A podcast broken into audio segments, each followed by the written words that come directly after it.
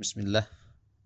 Alhamdulillah wassalatu wassalamu ala Rasulillah wa ala alihi wa sahbihi wa man sara ala nahjihi ila yaumiddin amma ba'd.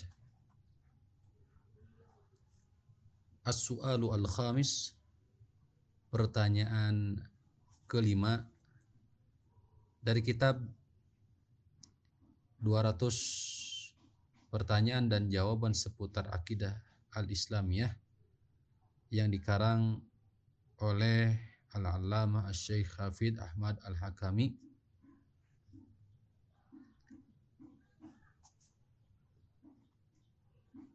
Mata yakunu al-amalu ibadatun? Kapankah sebuah amalan dinamakan sebagai ibadah. Kapan sebuah amalan dinamakan atau ditilai sebagai ibadah? Wal jawab adapun jawabannya amalan itu dianggap sebuah ibadah idza kamula fihi syai'ani. Jika telah sempurna dua perkara. Wahuma kamalul hubbi ma kamalu azli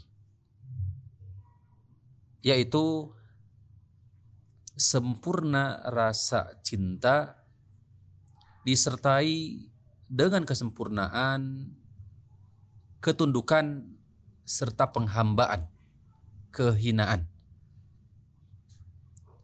Amalan bisa dikatakan ibadah apabila sempurna dua perkara. Kamalul hubbi, sempurna kecintaan, disertai kesempurnaan adol, kerendahan, kehinaan, serta ketundukan. Wad dalil qauluhu ta'ala a'udzu billahi minasyaitonir rajim adapun dalilnya firman Allah Subhanahu wa taala ada di dalam Quran surah Al-Baqarah ayat 165 Walladzina amanu asyaddu hubban lillah. Adapun orang-orang yang beriman mereka sangatlah cinta kepada Allah. Wa ta'ala Kemudian Allah Subhanahu wa taala pun berfirman dalam Quran surah Al-Mu'minun ayat 57. Innal ladzina hum min khasyati rabbihim musyfikun. Sesungguhnya ciri-ciri orang yang menyegerakan dalam menunaikan kebaikan sehingga mendapatkan pahala ganjaran dari Allah secara cepat yaitu orang-orang yang merasa takut dan khawatir terhadap azab Allah Subhanahu wa taala. Wa qad jama'a Allah taala baina dzalika dan sungguh Allah Subhanahu wa taala telah menyatukan di antara keduanya. A'ni bihi kamalul hubbi sempurna ke kecintaan dan sempurna ketundukan, kepatuhan. Dalam Quran surah Al-Anbiya ayat 90. Allah berfirman, "Innahum kanu yusari'una fil khairat wa yad'unana raghaba wa rahaba wa kanu lana khashi'in. Sesungguhnya mereka yusari'una fil khairat. Menyegerakan dalam menunaikan kebaikan, bersegera dalam menunaikan kebaikan. Mereka berdoa, beribadah kepada kami disertai dengan harap serta cemas. Dan mereka kepada kami betul-betul khusyuk. Hadirin rahimani wa rahimakumullah. ini adalah inti atau rukun dari ibadah. La tanfa'u ibadatun biwahidin min hadaini dun akhir. Satu ibadah tidak akan mendatangkan manfaat jika salah satu dari keduanya itu hilang. Oleh karena itu, para ulama salaf mengatakan, "Man abadallah bil hubbi wahdahu fahuwa zindiq."